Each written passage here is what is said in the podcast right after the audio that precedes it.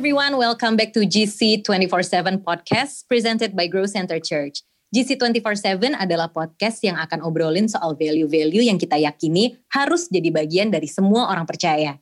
Di sini kita akan membahas tentang Tuhan Yesus, generasi, generosity, dan tentang karakter yang intinya cara hidup murid-murid Yesus di zaman ini yang relevan banget buat kita semua. Di edisi kali ini kita akan membahas tema parenting. Seperti kita tahu, pola asuh sekarang dan zaman dulu itu sangat berbeda sekali. Dan bagaimana sih cara kita keluar dari pola asuh atau trauma dari orang tua dulu yang memang sudah tidak relevan lagi dengan masa sekarang? Dan apakah kita mengalami sulit bonding dengan anak? Nah, kita kedatangan dua orang yang sangat spesial sekali untuk kita bahas tema parenting ini lebih dalam. Shalom Pastor Lia dan Shalom Pastor Esther. Shalom Prita, Shalom, Shalom. Apa kabar Pastor Lia? Wow, luar biasa lah pokoknya. Luar biasa sekali. Pastor Esther gimana nih kabarnya hari ini? Hari ini baik ya. Baik dan terus luar baik. biasa ya pastinya ya. Pasti. Nah, seneng banget nih uh, kita hari ini uh, bisa ngobrol-ngobrol bareng untuk ngebahas tema parenting. Ini bakal seru banget sih. Dan sayang banget ya waktunya cuma 40 menit. Jadi wah kayaknya kurang nih. Karena pasti banyak banget pertanyaan dan keseruan yang bakal kita bahas di sini. Oke, okay, uh, untuk kalau gitu langsung aja kita mulai. Mungkin boleh dong uh, dari Lia dulu kali ya. Boleh nggak sih uh, menceritakan pengalaman mendidik anak Gen Z? Mungkin karena si uh, Jason, Elaine dan um, Ines itu merupakan anak-anak Gen Z ya, Pastor Lia. Boleh nggak diceritain? Oke, pengalaman mendidik tiga anak ya. Tiga anak itu tentunya nggak sama karakternya. Nah itu yang justru saya banyak belajar melalui mereka karena masing-masing anak berbeda karakter. Ya kalau kita tahu uh, Ines dan Jason itu mungkin agak mirip orangnya yang yang wow gitulah rame lah gitu mereka apalagi Ines terutama. Tapi kalau Elaine tipe yang um, melankolis yang diam kayak gitu. Jadi jadi saya banyak belajar bahwa nggak nggak bisa metode yang sama diterapkan pada tiga anak saya saya harus tahu apa yang mereka butuhkan sesuai dengan karakter masing-masing gitu ya. Dan eh, saya mengalami ada beberapa kesulitan-kesulitan di dalam mendidik mereka, eh, tapi puji Tuhan Tuhan selalu berikan solusi demi solusi. Karena itu saya hanya minta hikmat Tuhan, Tuhan bagaimanakah caranya menyelesaikan gitu ya. Apalagi terutama ya seperti uh, yang anak saya yang kedua Ilen, Ilen waktu itu kan udah pernah dia cerita bagaimana dia menghadapi depresi segala macam gitu ya, terutama apalagi ditunjang anaknya yang pendiam yang mungkin agak sulit untuk mengeluarkan isi hatinya. Saya ingat sekali pernah satu waktu uh, waktu dia masih SMP kalau nggak salah SMP uh, eh, waktu itu dia pernah sekali mungkin dia saat itu depresi yang saya nggak tahu gitu saya nggak tahu tapi terus uh, waktu dia mengalami itu kan terus ada kayak seperti ya semacam apa ya pemberontakan-pemberontakan kecil lah gitu ya bisa uh, diberitahu ini nggak dilakukan segala macam gitu. Nah terus setelah itu saya coba gali gitu. Kamu tuh ada apa sih gitu ya? Kamu tuh kenapa sih gitu? Mungkin kalau anak yang biasa-biasa, mungkin dia akan akan lebih istilahnya langsung gitu ya mengutarakan apa yang apa yang terjadi saat itu. Tapi ini saya butuh waktu kira-kira hampir dua jam kali. Dua jam lebih. Saya tungguin dia ya untuk menjawab ada apa sebenarnya. Gitu saya sampai nungguin saya istilahnya saya pun belajar dari diem sampai kesel juga sampai akhirnya diem lagi sampai saya sempat ngancem-ngancem saya bilang saya nggak akan keluar dari kamar kamu kalau kamu nggak ngomong sampai saya gitu itu ya sampai karena saya waktu itu belum ngerti nggak ngerti kan. Nah terus setelah itu baru ada satu kalimat yang dia ungkapin kenapanya yang menurut saya mungkin aduh dari tadi kayak ngomong gitu ya cuma jawaban yang simple itu saya mesti nunggu sampai berjam-jam gitu tapi justru saya belajar buat dia mungkin itu sangat sulit mengutarakan itu buat kita mungkin anggap aduh itu enteng banget sih ngomong tinggal aja ngomong kamu ngomong begini-gini. Tapi mungkin dari hatinya dia tuh sulit banget mengutarakan itu gitu alasannya. Nah itu dari situ saya belajar bagaimana kita harus tahu karakter dari masing-masing anak kita. Nah dari karakter itulah kita bisa menjalin bonding yang lebih lagi. Kita ngerti bagaimana menghadapinya. Nah itu pengalaman saya ya. Karena kalau kalau Ines dan Jason itu agak lebih mudahnya karena apalagi Ines itu kelihatan banget waktu dia nggak suka itu langsung berubah total gitu. Nah kalau Jason itu paling jarang marah ya paling jarang marah tapi segitu marah saya cuma tahu oh gini marah tapi dia nggak lama lah gitu uh, terus baik lagi jadi kita jadi orang tua kita harus tahu masing-masing karakter anak kita nah dengan kita tahu karakter anak kita kita bisa tahu solusinya gimana Oke, jadi memahami karakter uh, dari tiap masing-masing anak gitu ya, Pastor Lia ya. Wow, luar biasa Betul. banget. Oke, kalau misalnya dari Pastor Esther gimana nih? Gimana Bu? Boleh nggak tahu pendapatnya gimana pengalamannya mendidik Pengalaman. uh, tiga putra dan putri juga nih ya? Berarti ya sama nih sama Pastor Lia. Ya, saya tuh unik kan karena di anak pertama itu nggak bisa masuk generasi Z kan, dia masih hmm. Y.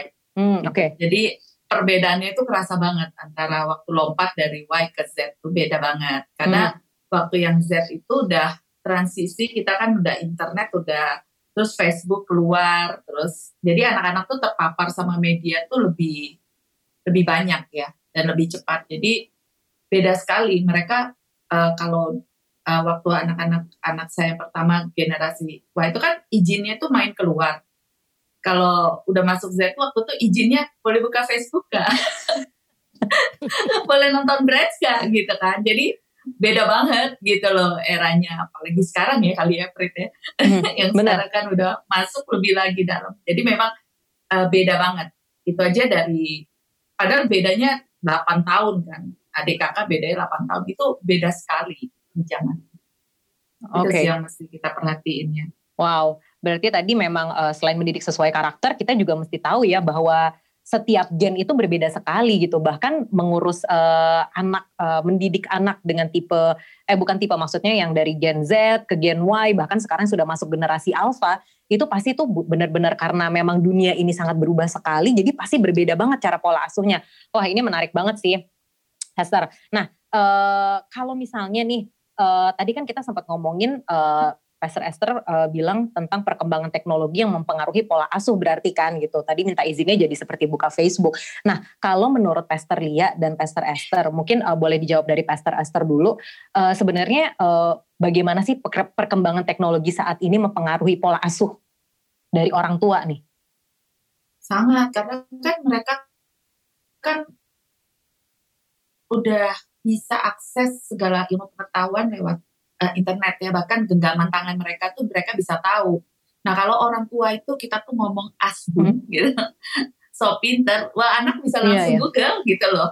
Oh yang mama ajarin itu nggak benar gitu loh. Jadi uh, orang tua sekarang itu tertantang untuk lebih banyak belajar gitu ya. Jadi nggak boleh asbun uh, mesti jadi orang tua yang penuh data deh gitu loh. Kalau misalnya larang anaknya kamu jangan main game terlalu banyak. Itu nanti mata kamu rusak mam. Terus dia bisa buka mam kalau asal saya protek mata saya pakai lensa yang bagus mata saya nggak rusak. Gitu.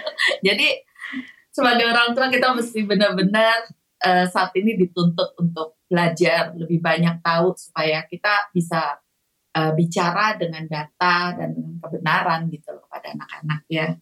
Oke, berarti tapi memang salah satunya juga mungkin kendala yang dihadapin uh, sebagai orang tua kan anak mungkin ngelihat orang tua ya.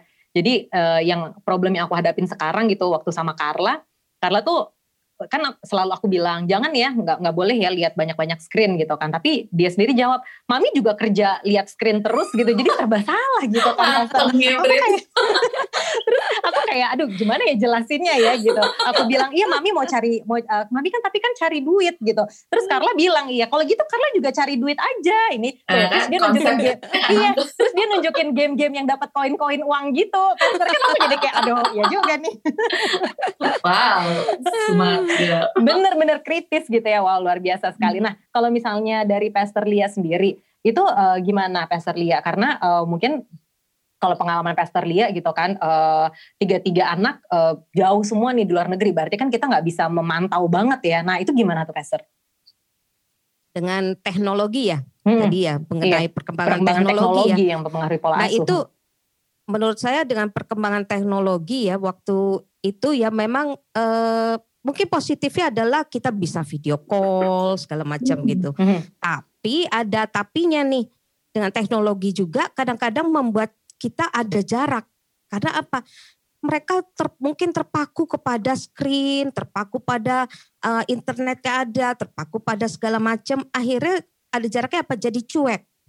Ada rasa cueknya itu ada muncul gitu. Istilahnya kayak ah ya udahlah gitu pokoknya kan yang penting gue enjoy life segala macem gitu. Ya eh, nah itu ada jarak yang saya saya rasakan mungkin seperti itu gitu. Kalau mereka udah asik sendiri nih di depan layar itu kayak cuek aja gitu. Disuruh apa misal oh, cuek aja nanti ya mungkin boleh dibilang uh, nanti nanti gitu. Nanti deh besok deh. Nah, seperti tadi mungkin Pastor Monty kan pernah khotbah dibilang ada virus kapan-kapan tuh, ya kan? bilang iya nanti kapan-kapan itu kapan-kapan. Nah, gitu. Jadi sebenarnya teknologi itu bisa positif dan bisa ada sisi negatifnya. Itu itu yang saya rasakan.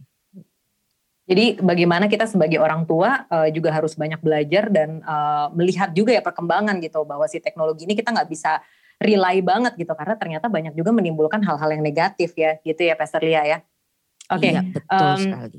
Nah, ini nih uh, mulai menarik ya karena kan kita sekarang berarti mulai melihat bahwa uh, dengan uh, pola asuh setiap karakter uh, setiap generasi yang berbeda lalu ditambah dengan perkembangan teknologi yang semakin maju sekali gitu kan. Mungkin uh, kita sebagai orang tua uh, lumayan gak keep juga ya karena perkembangan teknologi yang pesat sekali. Nah Nah, gimana sih ya Pester ya caranya mengajarkan anak generasi Z atau bahkan mungkin sekarang udah masuk generasi Alpha ya, nilai-nilai kebenaran di tengah dunia tuh yang bisa dibilang mungkin abu-abu ya kalau misalnya kita nggak apa memasukkan fondasi dari awal kepada anak-anak kebenaran itu pasti mereka bisa mendapatkan kebenaran-kebenaran yang nggak jelas gitu dari dari luar. Nah, boleh mungkin uh, Pastor Lia dijawab terlebih dahulu. Nah, ini anak sekarang ini kan uh, untuk menjawab mereka itu kadang-kadang mereka why-nya itu sangat besar. Ya, kalau kita kasih tahu A, kenapa? Ini kenapa begitu? Ini kenapa? Itu kenapa? Jadi faktor why itu sangat besar. Ya bahkan kalau kita bilang ini nggak boleh, itu nggak boleh, pasti kenapa nggak bolehnya? Nah itu yang kita harus belajar eh, bahwa kita harus bisa menjawab why-nya itu untuk generasi sekarang. Ya, nah untuk uh, menjelaskan, misalkan kita bilang kalau kamu berbohong dari satu berbohong bisa berlanjut ke bohong kedua, Nah berlanjut lagi ke bohong ketiga itu. Nah saya ingat sekali juga pernah saya ajarkan uh, anak-anak saya ya terutama yang wanita. Saya bilang waktu itu sambil ber, uh, sambil bercanda-bercanda terus saya bilang gini, kamu tahu nggak kadang-kadang ya saya bilang orang seorang wanita diperkosa itu sebenarnya bukan karena faktor laki-lakinya saja saya bilang. Sebenarnya faktor wanitanya juga kadang-kadang ada perannya yaitu misalnya saya bilang uh, dengan berpakaian seksi. Nah, waktu mereka dia berpakaian seksi itu secara nggak langsung mata pria itu melihat.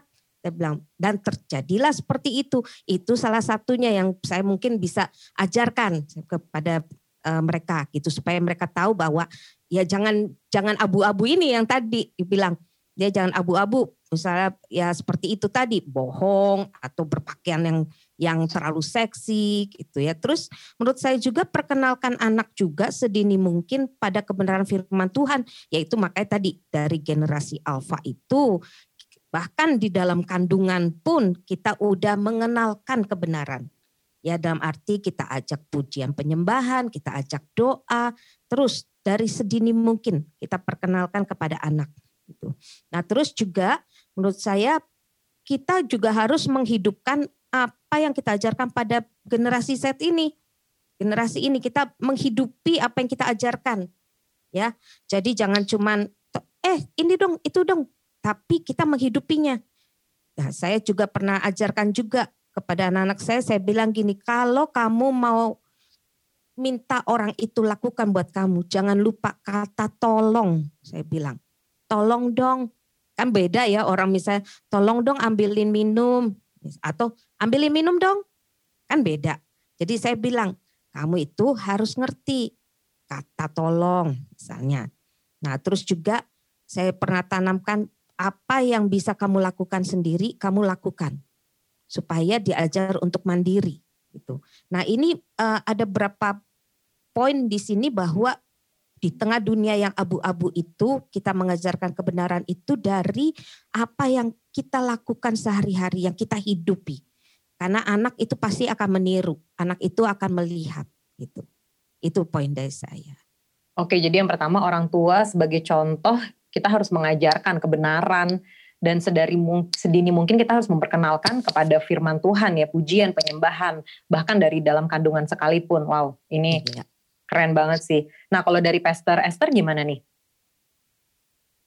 apa nih pertanyaannya untuk mengajarkan uh, anak-anak generasi Z uh, atau bahkan mungkin sampai generasi Alpha ya nah ini menarik banget nih uh, mungkin Pastor Esther juga karena terlibat di apa uh, Sunday School banyak melihat anak-anak generasi alpha kan nih pastor ya. Nah kalau dari pastor nih gimana ya?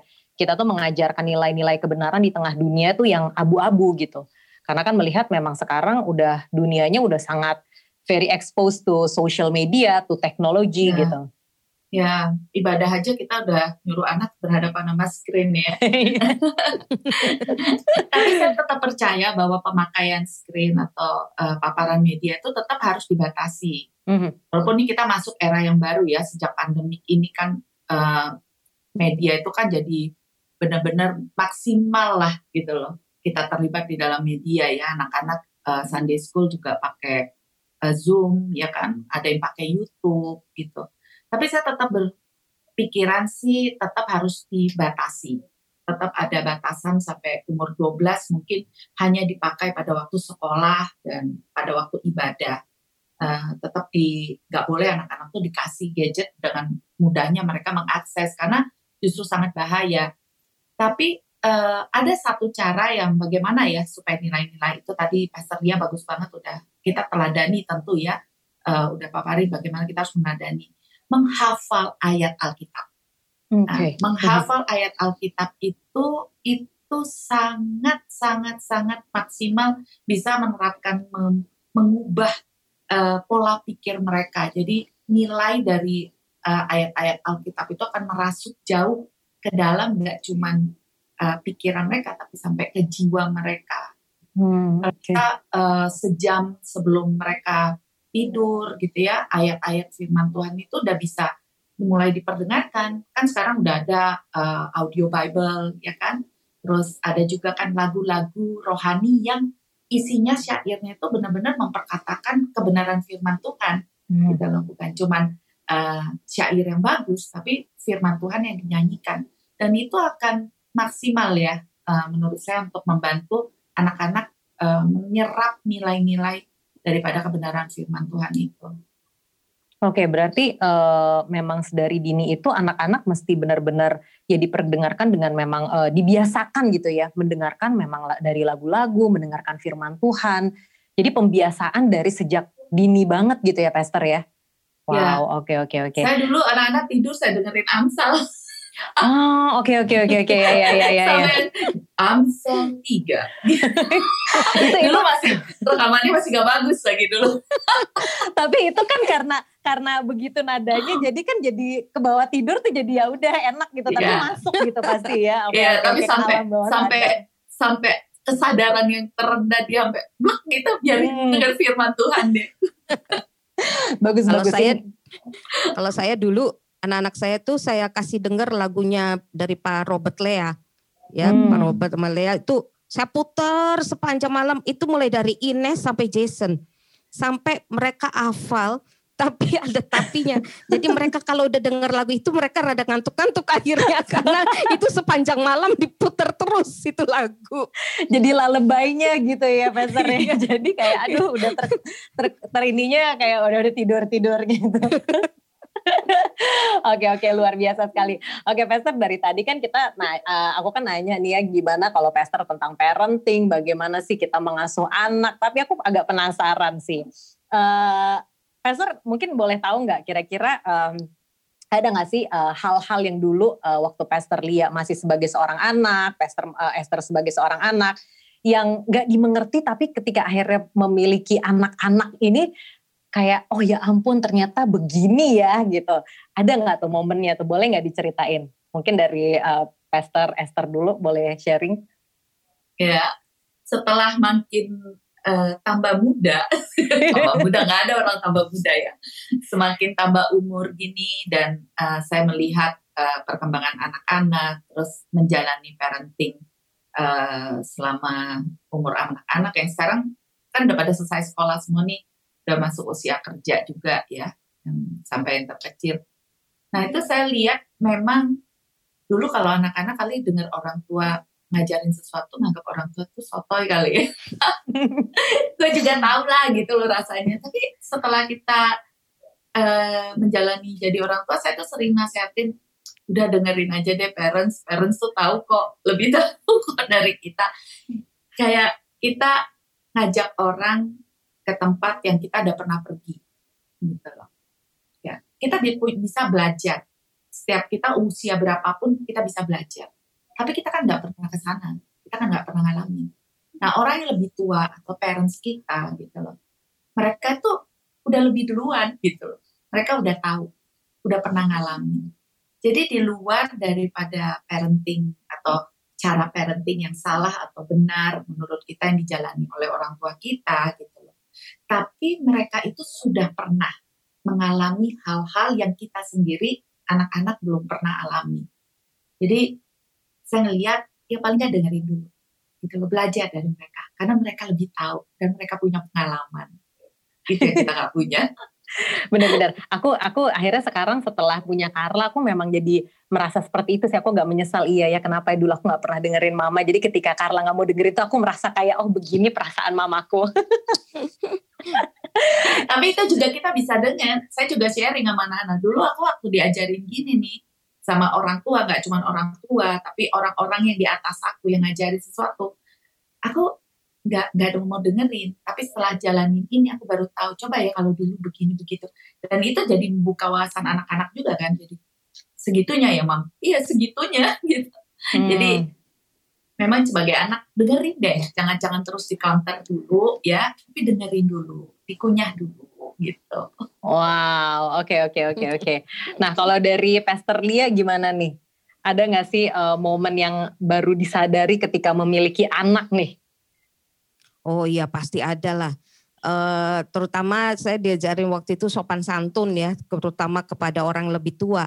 Kan kalau ketemu, misalnya ketemu diajarinnya halo oma, halo opa, atau halo tante, halo om, misalnya gitu. Kan kadang-kadang capek ya, apalagi kalau orangnya banyak gitu kan, mesti satu-satu, halo tante, nah, halo om, gitu, satu-satu, halo oma, halo opa, eh iya, halo gitu. Terus aduh rasanya tuh ih capek banget. Tapi ya seperti yang tadi Prita bilang gitu. Dulu mamaku kalau ini nggak dengerin gitu kayaknya anak sekarang gitu. Nah ini juga begitu. Begitu punya anak ini, ini terus ih kamu tuh ya gitu bukannya tanya kayak tegur kayak gitu. Ya, tanya dong halo gini shalom apa gitu. Nah itu tuh baru berasa gitu. Nah apalagi kan kita dulu suka dengar kan orang tua nanti kalau kamu punya anak tuh kamu baru berasa lu gitu kan. Nah itu benar-benar terjadi gitu. Uh, bagaimana diajar sopan santun. Kemudian juga saya ingat diajarin cara beretika ya etika terutama dalam hal uh, kita makan ya. Uh, itu kan dari keluarga saya ada ada yang apa keturunan Belandanya tuh ada ya ajaran Belandanya keturunan. Jadi itu kalau orang Belanda itu kalau makan nggak boleh bunyi sama sekali nggak boleh bunyi harus rapi banget. Apalagi kalau orang bilang orang Jawa bilang nyiplak gitu ya. Nggak boleh nyiplak nggak boleh bunyi kalau makan. Benar-benar harus di ini banget. Jadi nah waktu waktu itu diajarin begitu ketemu dengan eh, yang anak-anak nih pernah bunyi. Itu saya bilang, eh makan tuh jangan nyiplek ya, makan jangan bunyi. Saya bilang gitu. apaan sih? Gitu kan enak gitu misalnya ya. Kan enak gitu. Eh enggak enggak gitu. Enggak sopan enggak sopan gitu. Jadi otomatis kayak ke bawah gitu bilang enggak enggak enggak bagus dengerin ya gitu. Nah tapi terus saya justru saya terus belajar dari uh, begitu sama Pester Andi. Nah dia kan papanya didikan Jepang. Orang Jepang beda lagi. Kalau makan makan apa lagi? Makan sup uh, mie yang itu harus bunyi justru. Ya kan? Makin uh, bunyi makin menghormati uh, ya. iya makin bunyi makin menghormati. Uh nikmat gitu kan. Waduh saya bilang ini beda tapi di situlah saya mulai belajar. Oh kita harus menempatkan diri kita kita harus tahu juga budayanya gitu mungkin kalau di Jepang oke okay, dia harus bunyi itu makin menghormati gitu tapi kalau kalau di umum ya jak sebisa mungkin janganlah jangan bunyi gitu. Terus kedua adalah yang saya belajar dari etika makan, jangan bersendawa. Uh, ber, kalau kita bilang jangan betahak gitu ya, jangan uh gitu kan. itu itu nggak sopan banget gitu kalau buat orang Belanda apalagi waduh diomelin abis. Tapi kalau buat orang Indonesia kadang-kadang uh, itu wah berarti oh kenyang enak banget rasanya. Nah itu. Jadi, jadi saya belajar bahwa kita harus et, tahu etika itu juga rupanya menyangkut budaya juga gitu. Harus tahu gitu budaya masing-masing. Nah itulah pengalaman Oke, tapi ini bukan pembenaran ya, eh, teman-teman untuk bertahap sembarangan biarpun orang di Indonesia. Oke, ini menarik banget sih. Uh, jadi memang kalau misalnya dipikir-pikir ya, banyak ajaran-ajaran orang tua kita yang dulu-dulu itu yang nggak berubah juga gitu sampai sekarang masih bisa terbawa gitu. Nah, kalau misalnya tadi uh, Pastor Lia kan ngomongin tentang etika gitu ya. Kalau misalnya Pastor Esther, Esther uh, membicarakan tentang uh, orang tua tuh pernah ada di saat ada di titik pasti yang anak-anak tuh sekarang lagi jalani gitu udah tahu endingnya jadi coba mendengarkan dulu. Nah, hmm, kira-kira pola asuh apa lagi sih uh, Pastor Lia, Pastor Esther yang dari zaman didikan orang tua kita dulu nih yang dianggap masih relevan dengan uh, zaman sekarang? Selain tadi mengajarkan etika, mungkin membuat anak uh, tetap mendengarkan orang tua gitu. Mungkin Pastor uh, Esther boleh dijawab terlebih dahulu. Ya, pola asuh apanya ya pola asuh yang pola uh, masih cara relevan pola asuh, gitu ya, masih ya. relevan dari zaman ya. dulu sampai sekarang kalau saya bilang sih nilai kebenaran itu ya yang mm -hmm. di Bible itu ya mm -hmm.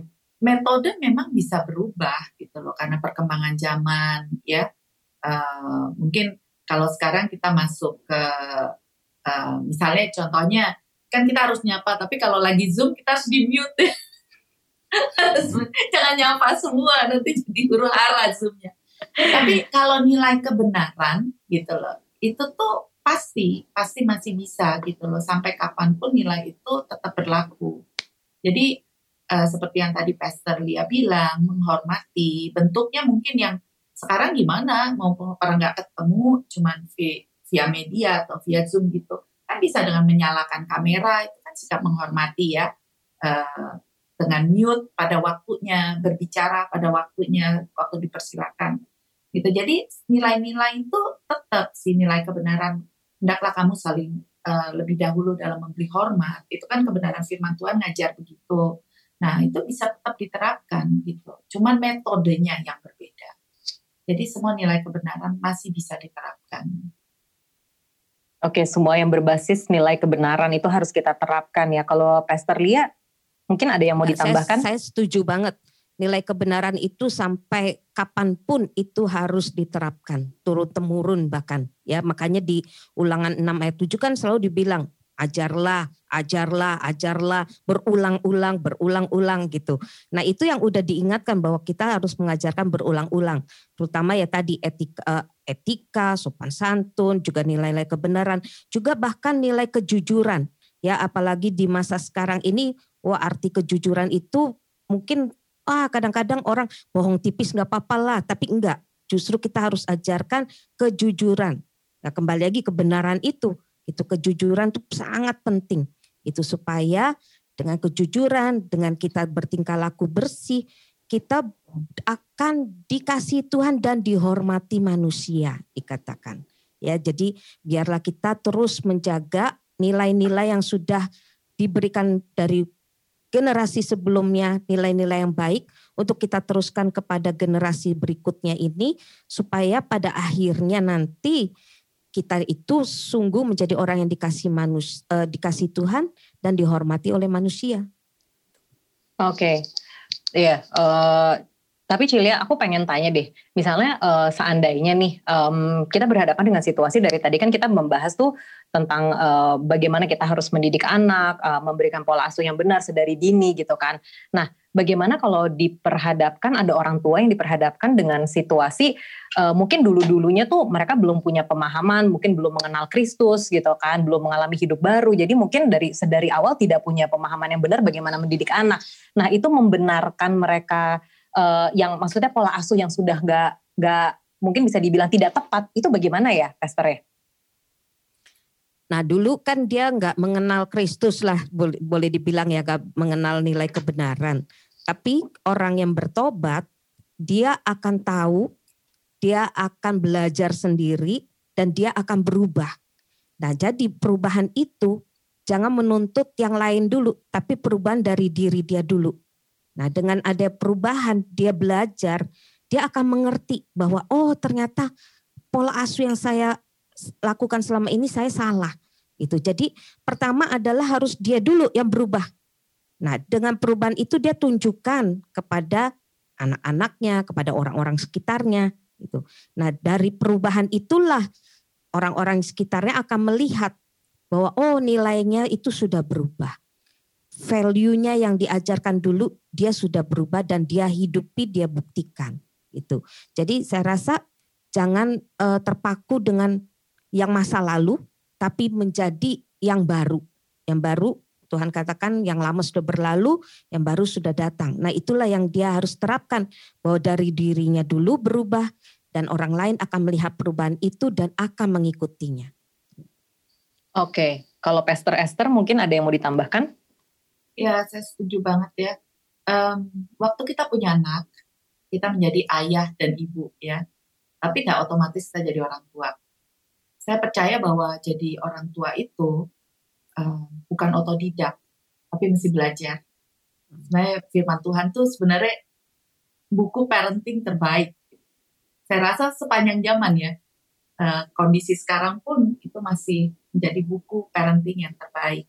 Jadi harus belajar. Jadi parents tuh harus belajar. Di Grow Center Church ya kita berusaha memberikan. Memberikan pengajaran-pengajaran yang baik tentang parenting. Kita berusaha mengajak pasangan-pasangan muda bahkan turun ke bawah ke anak-anak muda yang berencana nanti kelak akan menikah dan berencana mempunyai keturunan atau punya anak. Itu perlu direncanakan, perlu belajar. Jangan merasa oh nanti itu nanti kalau saya udah jadi orang tua saya baru belajar. Justru sebelumnya dari sebelum menjadi orang tua, dari sebelum menikah, kita udah mesti belajar supaya kita bisa maksimal. Karena menjadi orang tua itu nggak nggak jadi otodidak, nggak otodidak, tapi harus belajar. Wow, thank you banget uh, Pastor Lia, Pastor Esther. Ini pasti banyak sekali yang diberkati ya dengan uh, apa pembahasan kita malam hari ini. Uh, mungkin uh, ada yang mau di tambahkan lagi nggak nih untuk dari Pastor Lia, mungkin dari Pastor Esther untuk uh, tips parenting lah buat orang tua di luar sana yang mungkin sedang mengalami uh, problem how to bond with their children gitu kan karena ya dengan tadi um, gap generation gitu kan mungkin punya anaknya juga uh, seperti Pastor Esther yang memang tadinya punya anak yang di Gen Z tiba-tiba punya anak lagi yang uh, generasi alpha itu kan pasti kan sangat berbeda sekali nah Mungkin ada tipsnya nggak sih Pastor untuk supaya kita tuh bisa uh, apa ya bisa menyelesaikan gitu masalah bonding dengan anak. Mungkin uh, dari Pastor Lia dulu. Kalau tips dari saya harus jaga komunikasi ya dengan anak, harus terus berkomunikasi. Nah, kemudian juga harus ada keterbukaan ya, keterbukaan kan awal pemulihan dibilang ya. Kemudian juga jadilah pendengar yang baik ya dalam arti saat ini tuh komunikasi itu bukan hanya satu arah. Mungkin dulu zaman kita itu hanya satu arah dari orang tua dan kita cuma iya iya iya gitu. Tapi saat ini harus ada komunikasi dua arah ya dari anak-anak dan makanya itu perlulah kita menjadi juga pendengar yang baik dari mereka. Makanya saya bilang kan mereka perlu kata why itu dijawab. Why? Kenapa ini? Kenapa itu? Itu. Nah, itu jadi perlu untuk kita menjadi pendengar yang baik juga. Itu. Jadi juga seperti yang uh, Pastor Andi katakan kan ada home, honesty, kejujuran, ya, opportunity, mistake are normal, end of journey. Nah, itu biar kita ajarkan terus supaya hari-hari ini kita tahu pada akhirnya end of journey kita adalah rumah kekekalan kita. Oke, okay, thank you Pastor Lia. Kalau dari Pastor Esther, bagaimana? Ya, setiap kita kan bisa ya memiliki anak ya. Tapi untuk membesarkan anak dengan cara Tuhan itu memang perlu perjuangan. Gak mudah memang, perlu kerja keras. Dan pastinya perlu usaha yang sungguh-sungguh ya. Ada pepatah tuh yang saya ingat ya, uh, waktu terbaik menanam pohon katanya 20 tahun. Tapi waktu terbaik yang kedua adalah sekarang gitu loh. Jadi jangan jangan merasa uh, putus asa jadi wah saya udah salah asuh nih anak saya udah keburu besar bagaimana membongkar semua pola pikir yang sudah tertanam dalam pikiran mereka nggak apa-apa gitu loh nggak ada kata terlambat untuk belajar dan nggak ada kata terlambat untuk berubah uh, memiliki anak tuh memang menjadikan kita ayah dan ibu, tapi nggak otomatis menjadikan kita orang tua. Jadi kita harus belajar terus, nggak apa-apa. Dan di dalam Tuhan tuh nggak ada hal yang mustahil toh. Ya, masih bisa berubah, masih bisa. Tentu dengan doa yang sungguh-sungguh dan kita mau belajar dan melakukan apa nilai yang sudah kita pelajari. Dan pasti, pasti pemulihan itu ada. Wow, oke. Okay. Aduh, terima kasih sekali Pastor Esther, Pastor Lia. Hari ini benar-benar luar biasa banget. Kalau misalnya boleh aku wrap up jadi ya untuk tema parenting kita kali ini. Memang uh, membesarkan anak itu uh, di gen, generasi Z atau di generasi Alpha, ini kita harus memahami banget karakter setiap anak.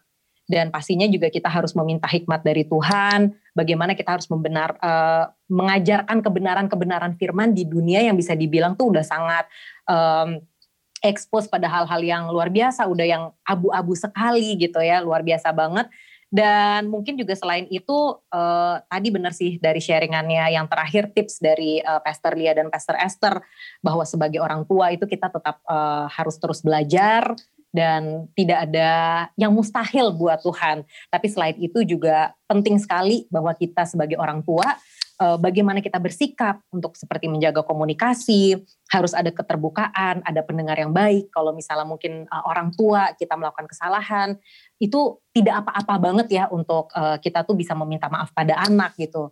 Wah luar biasa banget sih. baiklah kalau gitu, Pastor Lia, Pastor Esther, terima kasih sekali untuk pembahasan kita hari ini luar biasa sekali, sangat memberkati.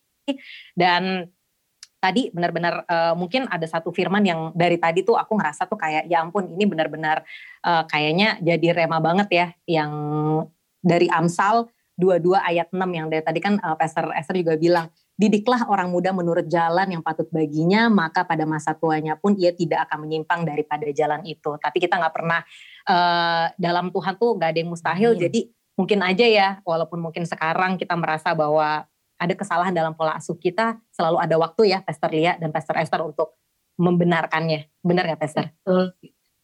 Iya okay. betul sekali dan uh, prinsip saya di 3 Yohanes 1 ayat 4 bagiku tidak ada sukacita yang lebih besar daripada mendengar bahwa anak-anakku hidup dalam kebenaran. Itu wow. selalu yang saya pegang, oh nggak ada sukacita yang lebih besar. Yes. Selain mendengar, melihat anak-anak kita hidup dalam kebenaran. Wow, dahsyat. Oke, baiklah kalau gitu terima kasih sekali Pastor Lia dan Pastor Esther. Sampai kita ketemu Thank lagi you, di tema-tema yang berikutnya. God bless you Thank Pastor you. Lia, God bless you Thank Pastor Esther. Selamat you. membuat adiknya Carla ya. See you Pastor.